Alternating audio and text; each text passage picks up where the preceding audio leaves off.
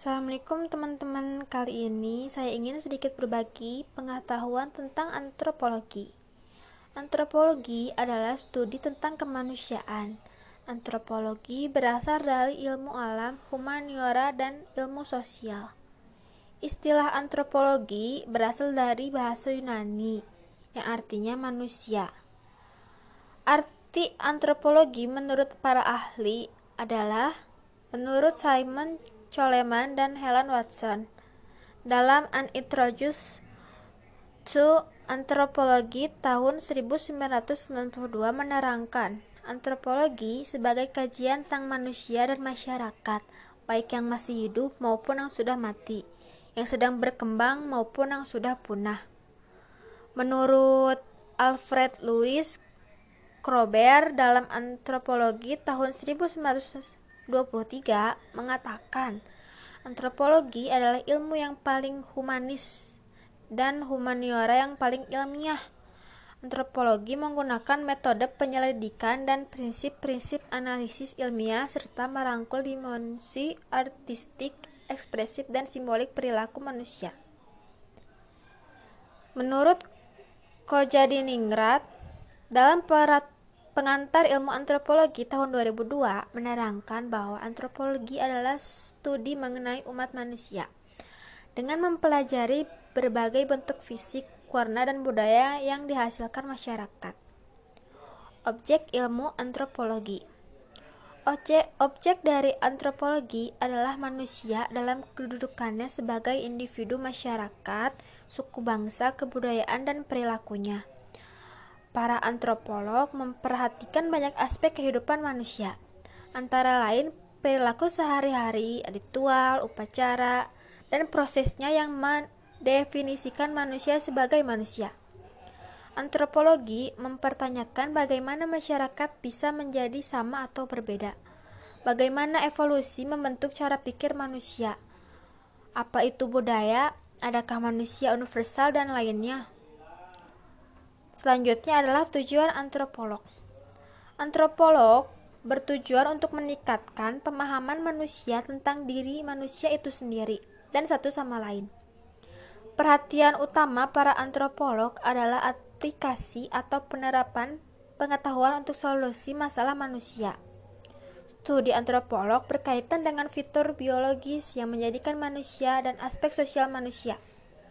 Fitur biologis yang dimasuk dengan fisiologi, susunan genetika, sejarah gizi, dan evolusi. Sedangkan aspek sosial seperti bahasa, budaya, politik, keluarga, dan agama. Fungsi antropologi adalah untuk mengembangkan pengetahuan tentang manusia baik secara fisik atau biologis maupun secara sosiokultural. Manfaat mempelajari antropologi. Untuk mengetahui pola perilaku manusia dalam kehidupan bermasyarakat secara universal maupun pola perilaku manusia pada tiap-tiap masyarakat suku bangsa. Mengetahui kedudukan dan peran yang harus dilakukan sesuai dengan harapan warga masyarakat dari kedudukan yang sedang disandang. Memperluas wawasan tentang pergaulan umat manusia di seluruh dunia yang mempunyai kekhususan-kekhususan sesuai dengan karakteristik daerahnya sehingga menimbulkan toleransi yang tinggi. Mengetahui berbagai macam problem dalam masyarakat, memiliki kepekaan terhadap kondisi-kondisi dalam masyarakat, serta mampu mengambil inisiatif pemecah masalah. Sejarah kelahiran antropologi secara singkat. Sejarawan antropologi seperti Marvin Harris menunjukkan dua kerangka utama di, mana antropologi empiris telah muncul ketertarikan pada perbandingan orang atas ruang dan minat pada proses manusia jangka panjang atau manusia seperti yang dilihat dari waktu ke waktu. Haris berasal dari Yunani klasik dan Romawi klasik, khususnya Herodotus yang sering disebut bapak sejarah. Dan sejarawan Romawi Tacitus yang menulis banyak dari satu-satunya catatan kontemporer yang masih ada tentang beberapa bangsa Celtic, dan Jerman kuno. Antropologi awal terbagi antara pendukung unilie, uninealisme yang berpendapat bahwa semua masyarakat melalui melewati proses evolusi tunggal, dari yang paling primitif hingga yang paling maju, dan berbagai bentuk teori non-garis yang cenderung menganut ide-ide seperti difusionisme. Sebagian dari ahli teori ahli teori pada abad ke-19 termasuk antropolog memandang masyarakat non-Eropa sebagai jendela ke masa lalu manusia pre-industri. Pada abad ke-20, disiplin akademis sering kali secara institusional dibagi menjadi tiga domain besar. Alam dan biologi sains berusaha untuk mendapatkan hukum umum melalui eksperimen yang dapat diproduksi dan diverifikasi itu sastra umumnya penekanan dan pemahaman individu, peristiwa, atau era tertentu. Antropologi yang muncul di antara kekuatan kolonial barat secara umum mengambil jalan yang berbeda dari yang ada di negara-negara Eropa Selatan dan Tengah. Di masa lalu, perjumpaan dengan berbagai budaya yang berbeda sering kali sangat berbeda dalam organisasi dan bahasa dari yang ada di Eropa telah menyebabkan penekanan berkelanjutan pada perbandingan lintas budaya dan penerimaan terhadap jenis relativisme budaya tertentu. Banyak ahli antropologi berpendapat bahwa antropologi muncul sebagai suatu cabang ilmu yang jelas batasannya pada sekitar abad ke-19. Antropologi pada abad ke-19 sampai abad ke-20 berkembang ke arah yang lebih sistematik dan menggunakan metode ilmiah.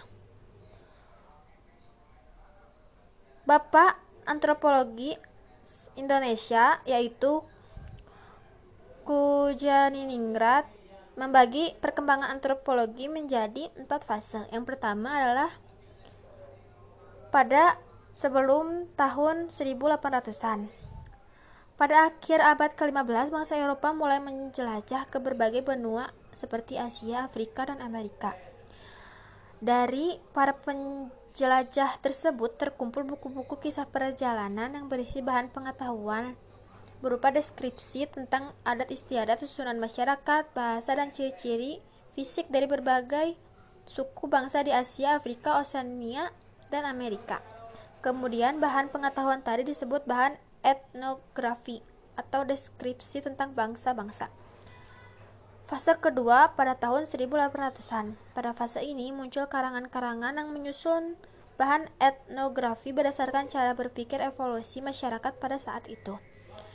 Pada fase kedua ini perkembangan antropologi bertujuan akademis, yaitu mempelajari masyarakat, kebudayaan, dan masyarakat primitif dengan maksud untuk memperoleh pemahaman tentang tingkat-tingkat sejarah penyebaran kebudayaan manusia. Fase ketiga pada awal tahun 1900-an. Pada fase ini, antropologi menjadi ilmu praktis dengan tujuan mempelajari masyarakat dan kebudayaan suku-suku bangsa di Eropa dan di luar Eropa guna kepentingan pemerintah kolonial dan untuk memahami kebudayaan masyarakat modern yang kompleks. Dan fase terakhir adalah pada tahun 1930-an. Pada masa ini, antropologi mengalami masa perkembangan yang paling pesat karena terjadi perubahan yang besar Kebudayaan asli bangsa-bangsa pribumi hilang akibat pengaruh kebudayaan Eropa. Selain itu, setelah Perang Dunia Kedua muncul kebencian terhadap negara-negara penjajah. Proses-proses tersebut menyebabkan perhatian ilmu antropologi tidak lagi ditujukan kepada penduduk pedesaan di luar Eropa, tetapi juga pada suku bangsa di daerah pedesaan Eropa. Perkembangan antropologi sebagai ilmu Secara epistemologi, paradigma yang terdapat pada antropologi dibedakan menjadi dua, yakni paradigma positivisme dan paradigma antipositivisme.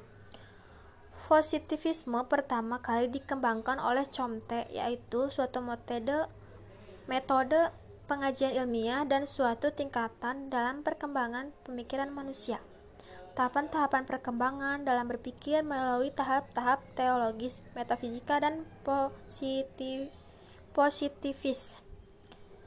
Pada tahap teologis, fenomena dijelaskan dalam konteks entitas supranatural.